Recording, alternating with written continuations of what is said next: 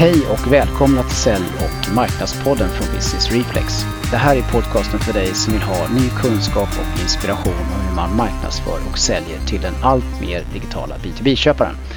Det här avsnittet kommer att eh, genomföras på engelska och jag hoppas att ni har överseende med det. Vi har ju haft några tidigare avsnitt som har varit på engelska och det verkar som det har uppskattats. Det här avsnittet är om, handlar om storytelling. Storytelling is something that uh, marketeers uh, talk a lot about when I meet them. Many feel that this is a bit abstract and they are not uh, doing a very good job with storytelling. People tend to struggle uh, with understanding sort of how to do it well and maybe even why to do it sometimes, specifically in B2B. Storytelling is important for the modern marketeer. Therefore, we have uh, invited a real expert, uh, and she has uh, uh, recently written the book, The Seventh Era of Marketing, together with Robert Rose, that we had the honor to interview a couple of weeks ago. So, uh, her name is Carla Johnson. Welcome to Sälj Marknadspodden, Carla. Well, thank you, Lars. It's very nice to be here. Yeah, so uh, I don't think that there's so many listeners that uh, know so much about you. Can you can you give them a little bit about your backstory? Certainly, my um, my background actually starts in engineering. I started university studying engineering, and realized that wasn't really what I was interested in. So I switched, and I'm a history major. And I think that was probably my first foray into storytelling, and because you can't have history without having stories. No. right? And, um, but as I went into the work world, marketing is just what came naturally. And because of my background with engineering, I always worked for large engineering based enterprise type companies. And then it was um, what I learned about storytelling from history and, and how that's how people engage with with um, information and that's what helps them remember and that what that's what makes it really easy for them to share information as stories. That's where i brought storytelling into the work that i do as a marketer. So i um, i worked in architecture and engineering and construction for about 10 years and then i moved over to telecommunications internet and data. And so that was that was really a time when the products themselves could be very commoditized. So it was how we talked about them was what differentiated what we sold. So that was where storytelling worked really well in the enterprise market. And then um, in 2001, I left and started my agency in Denver, Colorado, called Type A Communications. And that's what I've done for the last 14 years then is to work with enterprise size brands around storytelling and how to understand what those stories are that are unique to each brand and then how to really bring it alive through through the experiences that they create that connect them with their customers. So, uh, Carla, thanks for that. Uh, uh, so, something that I really would like to start with is why is storytelling so important in in B two B? You think? You know, I I I always say that storytelling is more important in B2B than it is in B2C. And a big part of that is just because of the nature of the buying process in, in B2B. So you think about the length of how long it takes for a customer to make a decision and how many people are involved. So it may be 12 months, 18 months, sometimes even 24 months to actually go through a purchase decision.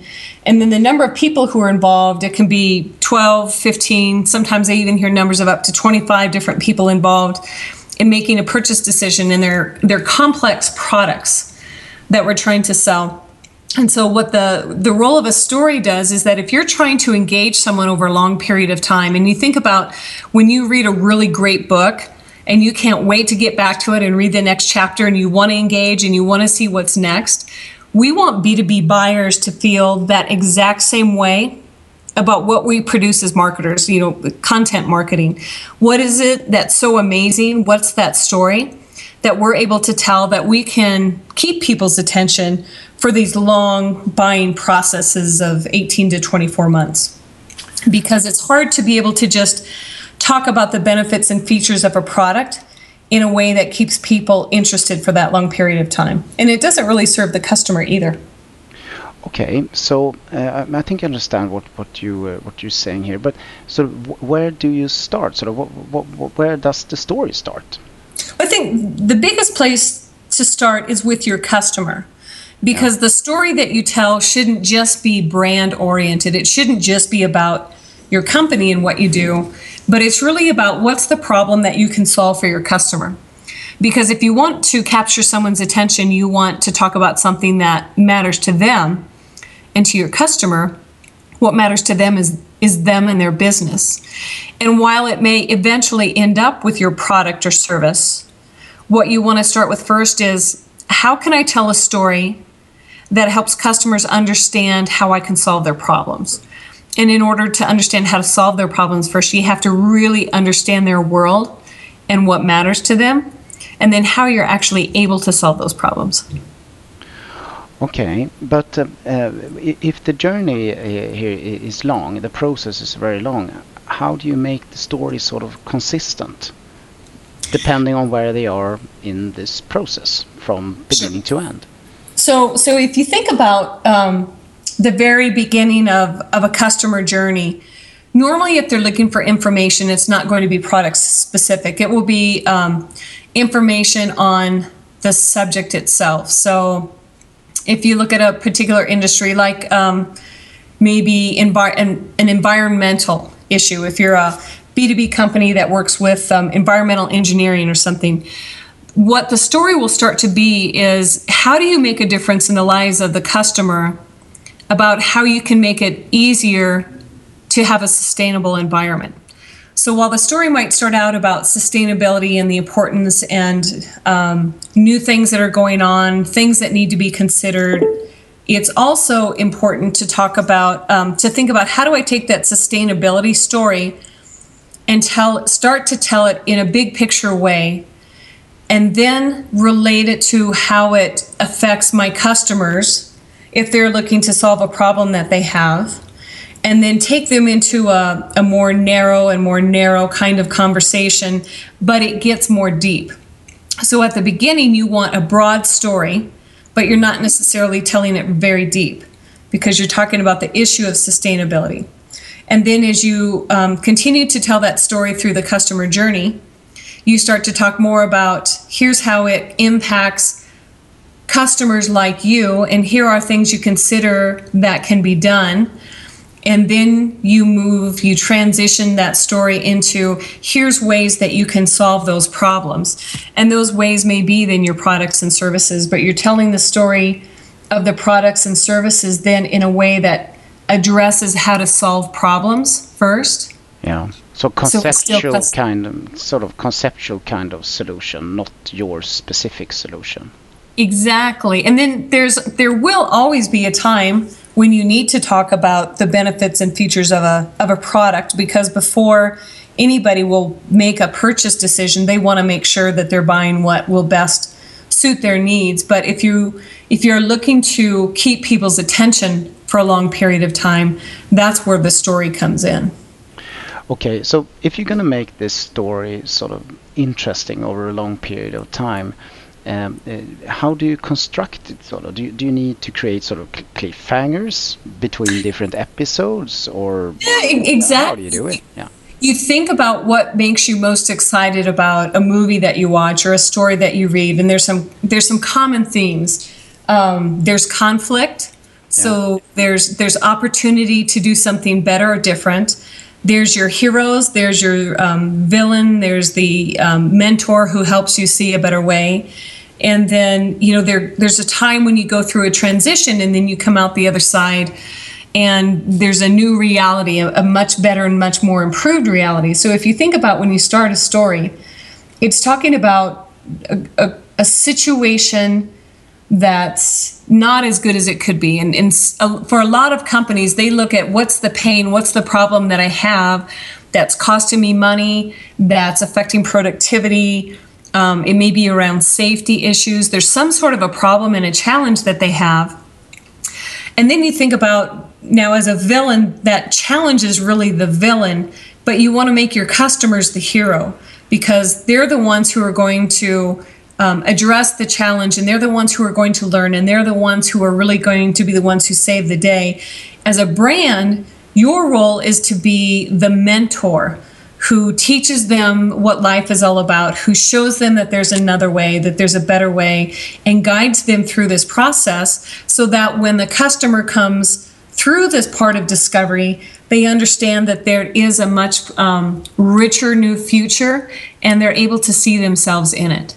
And so you're right. It is. It is things like um, cliffhangers. It's tension. It's heroes. It's challenges. It's it's everything that makes us love a really amazing story in our regular life. Okay, so if I understand you correct here, you're definitely not talking about yourself. Uh, exactly right. Mm.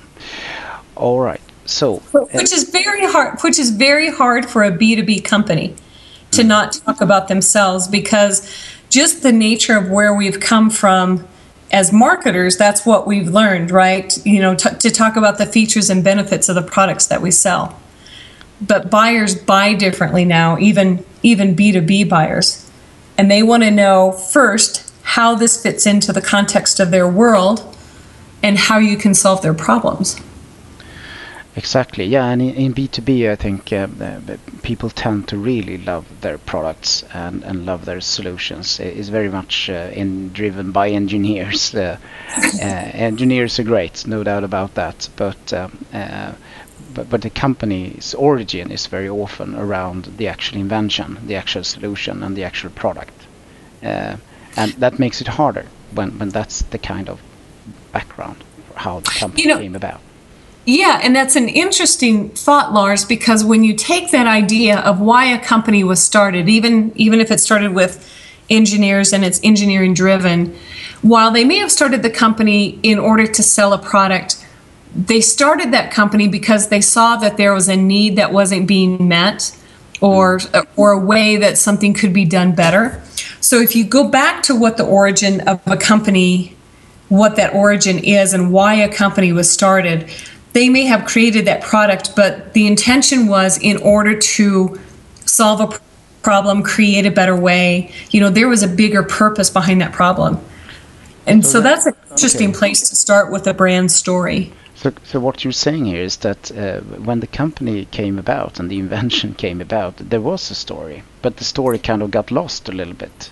Exactly. Many times a brand story gets lost in the thick of day-to-day marketing promotions you know trying to meet revenue goals and things like that that true underlying purpose of a brand gets pushed to the wayside. But that's really the core of any brand story. And if you're able to go back and discover what that is and revive it it's not only amazing for creating a story that engages customers but also for also for a story that engages employees so that everybody understands what's the story we're trying to tell what's a, what's the story that we share with our customers and really how can i as an employee at any level of a company make that story come to life for customers mm. yeah so you, you have to involve sort of a lot of people in the actual storytelling uh, right. to make it come alive yeah right because it, if it's just marketing that tells this story it won't feel authentic if the experience that people have with the rest of the organization isn't consistent. Mm. Okay, interesting. But uh, now we're in this sort of seventh era of marketing, yeah, and uh, uh, I, the, the, of course, there's listeners that, that hasn't listened to the episode uh, uh, that we recorded with uh, with Robert Rose. So so maybe we need to talk a little bit about this sort of new era of marketing briefly at least, and then maybe put storytelling into the context of, of where we are in terms of modern digital marketing and, and this seventh era. Can can you help us out there a little bit, Carla, to, to say something about it? Yeah. So when we think about marketing and, and how it's come about and, and the history of it, much of it started in the you know middle 1800s when companies had excess product to sell. And so they said okay well i have this. Now where do i need to go to actually find consumers who would buy it? And then we moved into a, a second era that was about actually producing enough and looking at how i can sell that in more of an industrialized mass market kind of society and economy. Then we moved into an era that focused on sales, and this is where you started to see salespeople as an actual profession or a, you know a part of an organization. They um, became more sophisticated. Customers started to look at not just the product, but how can I compare prices and how do I get more for my value. And then about the mid 1900s, marketing became more of a recognized function of the business, and we saw um, university students graduating and, and coming to work for companies in an actual marketing department. And then from there, we look at about the 1960s to 1990s, about a 30 year period where we started to see a shift not just from a marketing department, but from uh, into brands who were marketed as a brand itself. So, one of the iconic milestones of this period is um, the Apple 1984 advertisement that um, announced the launch of the Macintosh computer, but it really established Apple as a marketing company, not just Macintosh as a product that was marketed. Mm-hmm. And then since when we when we get into the 1990s, that's where we started to see things where um, we looked at one-to-one relationship marketing and how do we become more connected with our buyers, our customers, and consumers on a one-to-one kind of basis rather than just mass emails and social media comes into the mix and there's a lot of ways that we can target people now we have crms and marketing automation and then from there, what we see is that it, it isn't just the relationship that people value. It, it's also the experience that they have with a brand. And so we see research coming out that says what consumers value most isn't just isn't just the product, but actually what's the experience that I have with the brand overall. Mm. So when you when you think about that, that's where we look at how experiences are able to transform how we look at marketing and connecting with customers in general and how marketing can start to create value in and of itself as a as a department rather than just describing the value of the products or services that you sell. Yeah. Yeah, and now we're also in this sort of situation where the buyer is extremely digital, so we have to deliver sort of this whole thing, the experience and, and the storytelling when we're not meeting them. Exactly. And if you think about how much of the buyer journey is done before someone even engages with a brand, there's there's interactions that are going on.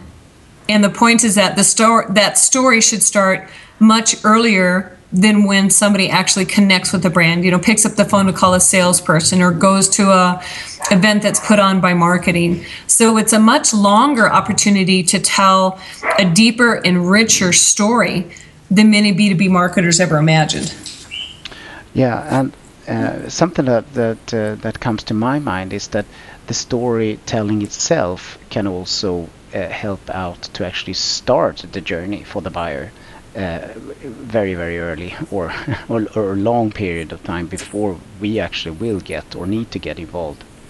Exactly and it builds that emotional connection with the brand. So um, a great example is ge and they start what they noticed is that some of the some of the world's biggest most innovative companies actually started out as businesses in people's garage so they looked at Microsoft and HP and Apple and they said these were really smart people who had amazing ideas, and the only place they had to set up shop was in their garage. And now you look at what these companies have done and accomplished and how they've really changed our perception of, of what we do and, and technology. And so they took that idea of garages and they have a group that they created called GE Garages. And the focus is is on you know that story of innovation that GE is so well known for. So, like you said, telling the story much earlier and in a different way, um, and in a way that actually engages the audience first. So instead of GE just trying to tell the story of innovation that GE has a history with, they use this opportunity through GE garages to talk about here's what innovation can mean to an entire manufacturing industry or an entire industrial energy. And so they're able to engage people much earlier.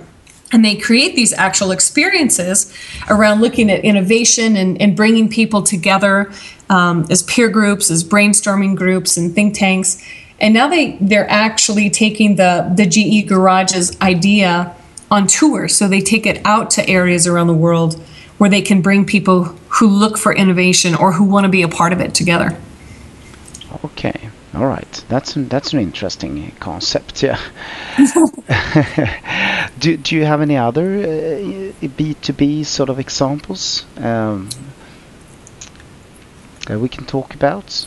Yeah, you know, I look at um, Emerson is a company. They're based in St. Louis, Missouri, in the U.S. And one thing that they have done. Um, what what are they doing? Sort of. I, I don't think people they, in Sweden yeah, so are so familiar. Yeah they're heavily industrial and they work in areas like um, network power and climate technology maybe offshore drilling you know their their products are the ones that keep everything um, if you look at climate technology keep it running perfectly and with very precise readings under um, maybe extreme climate change or in very industrial kind of um, environments and so they started to look at their brand story and what they did what they did best. And they said they realized that they were able to solve some of the world's toughest problems. And they were able to solve problems that many people um, had had tried to solve before, but they'd never been done before. So that's what they focus on as a brand story: is you know c- consider your problem solved if you work with Emerson and you know we'll handle your world's the world's toughest challenges and, and we'll solve those problems and along that line of storytelling with considering it solved one of their industry's biggest problems was that they saw that there were a high percentage of very senior and sophisticated engineers who were ready to retire and that there would be a big gap in skills and engineers going into um, employment not just for their company, but in industrial companies and engineering led companies in general. So they saw that as one of the biggest challenges that the industry had. And so they told the story of Consider It Solved as looking at how do we bring more people into the profession of engineering and how do we make them interested in it and how do we make it look fun and exciting because for many people in late high school, and when they're looking at what their future career might look like, mm-hmm. they say, Well, I know if I go into engineering, it's going to be really hard. And I'm not sure it's really worth it. And so they started a program that supports the Consider It Solved story of Emerson that's around STEM, so science, technology, engineering, and math and it's called I Love STEM. And they have a whole story, and it's part of their website emerson.com, I love STEM, where they've gone and they um, are creating a hub that inspires students to look at engineering and inspires students and gets them excited to talk about science. And they connected with a man named Hank Green, who's a very well known internet star who um, focus who's uh, produced videos around science and how things work since about 2007 or 2008 and he has a huge audience.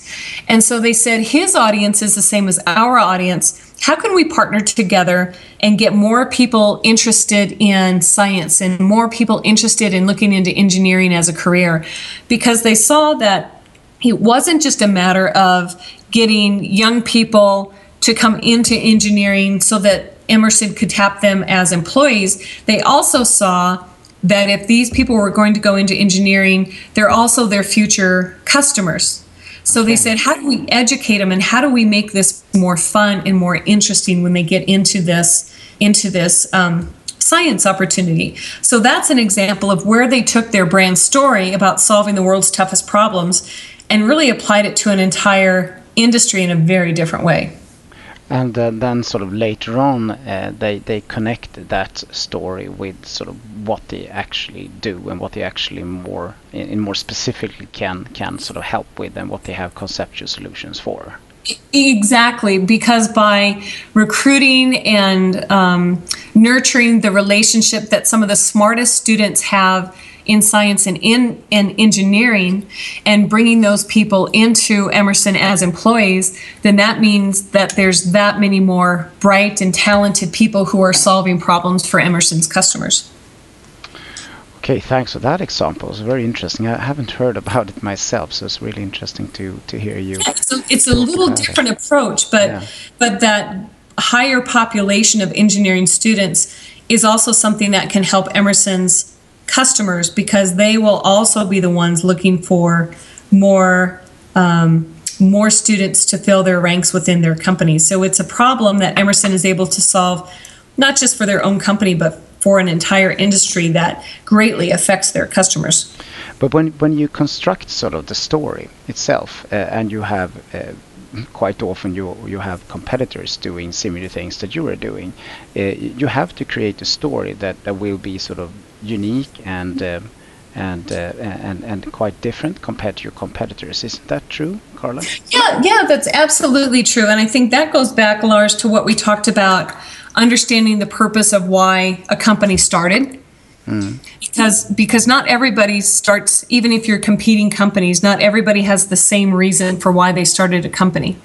And that's really what distinguishes you from your competitors. If you look at that passion behind why a company was started, that's the essence and, and the real root of what your brand story is. Okay. And no, nobody else can can duplicate your history. They can try to copy it, but it certainly won't be authentic. No, that's very much true. Um, okay, thanks for that, Carla. So, uh, uh, if if we um, uh, can you give some sort of um, uh, sort of good sort of guidance uh, for um, to our listeners for where where do they start? If they don't think that they're so good at it if they haven't done so much uh, around storytelling where do they start sort of?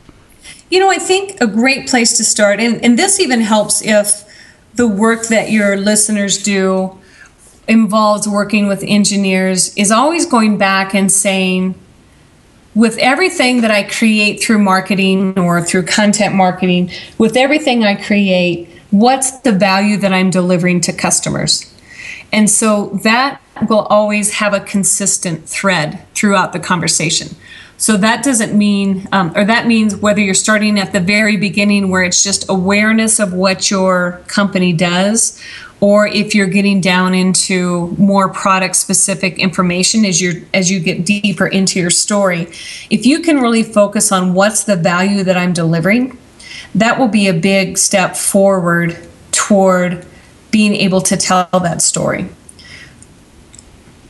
Okay, if, if you've been working with storytelling now and, and you, you feel that you're doing a decent job with it, and, and we're now in this more sort of a digital age and, and into this sort of seventh era of, of marketing and experiences experiences are critical. Sort of, what, what, what do you what do you have to consider then? Sort of, what, what what's going to be the important things to, to do to be able to to continue to do this well or even better in this new world.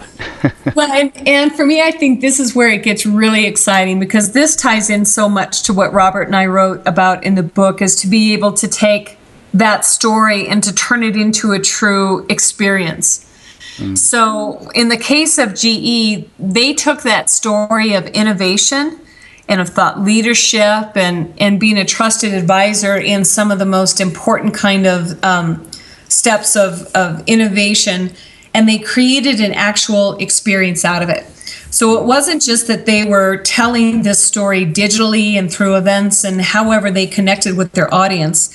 Then they took it that next step forward and they created an actual experience out of what it means to be innovative. So that's what I think that that companies who are really um, on the more sophisticated end of storytelling what I think would be good for them to look at is is how do I then actually turn that into an experience for my audience.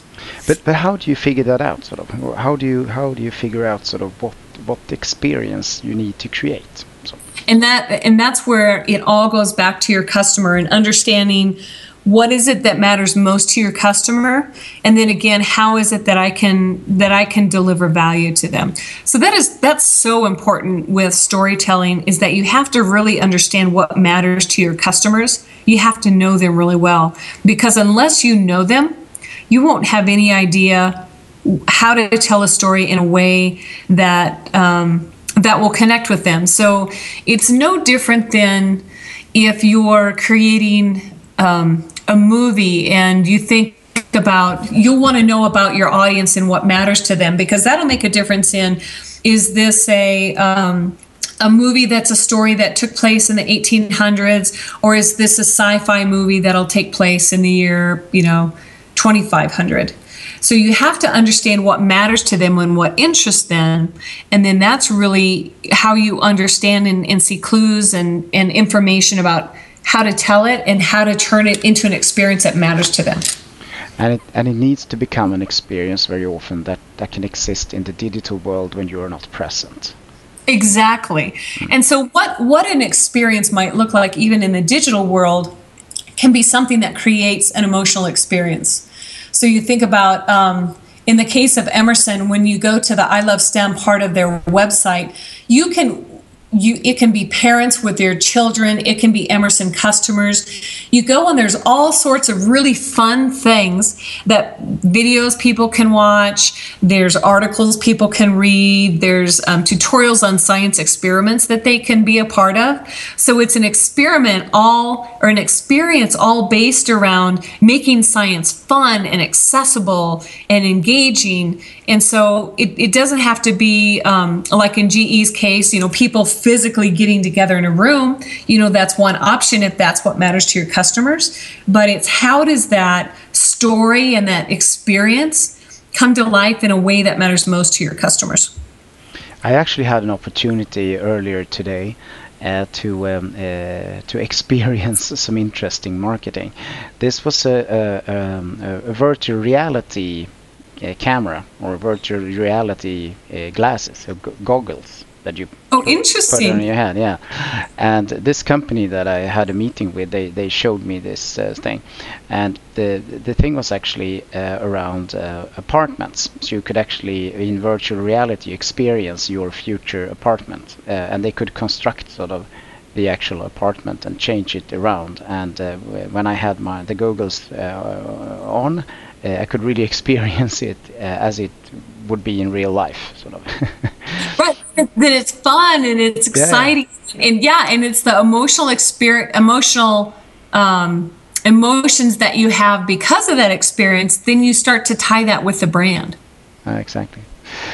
So um, that, that could be an example for your listeners. Uh, yeah, virtual reality cameras. yeah. um, like. All right. So uh, time flies when you're having fun, Carla. Uh, thanks a lot for uh, for uh, everything uh, that you contributed with here. I really would like to thank you a lot for that. But um, um, where can they find you if they want to get in touch with you um, and if they're interested in the book, The Seventh Era of Marketing? Can you give them some some advice on that as well?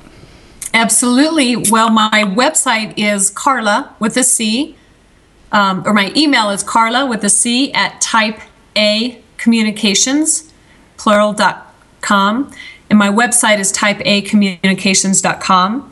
And if you'd like to learn more about the book that Robert and I wrote, the website for that is 7th, 7th, the number 7, th, era of marketing.com. And they can also find me on Twitter at Carla Johnson or on LinkedIn. Yeah, I think it's relatively easy to find you actually with your name combination. Uh, Sometimes with Johnson, you don't know. Yeah, do you actually know that Johnson is got a Swedish origin? Oh, I did not. I did know that generally names that end in SO in are Swedish. Is that correct? Yeah, yeah, quite often that's the case. So in your in your case, it translates to John's son. So that's you. You're, you're like John's that. you're John's son. Uh, uh, all right, yeah, all the Swedish listeners they they know that for sure. I think that the Swedish listeners will actually uh, uh manage quite well with storytelling because Vikings were actually great storytellers. Um, well, uh, my heritage is Nordic. Both my husband and I, our families are from Denmark. Yeah. So, so that's where the storytelling also came. Exactly. Exactly. So you got that in your background as well. Then the the Viking blood has helped you. exactly. Exactly. So thanks for that, Carla, uh, and uh, uh, good luck with everything. And uh, for all you listeners, whatever you do out there, uh, make sure that you are relevant. Thanks for listening. Thank you so much, Lars.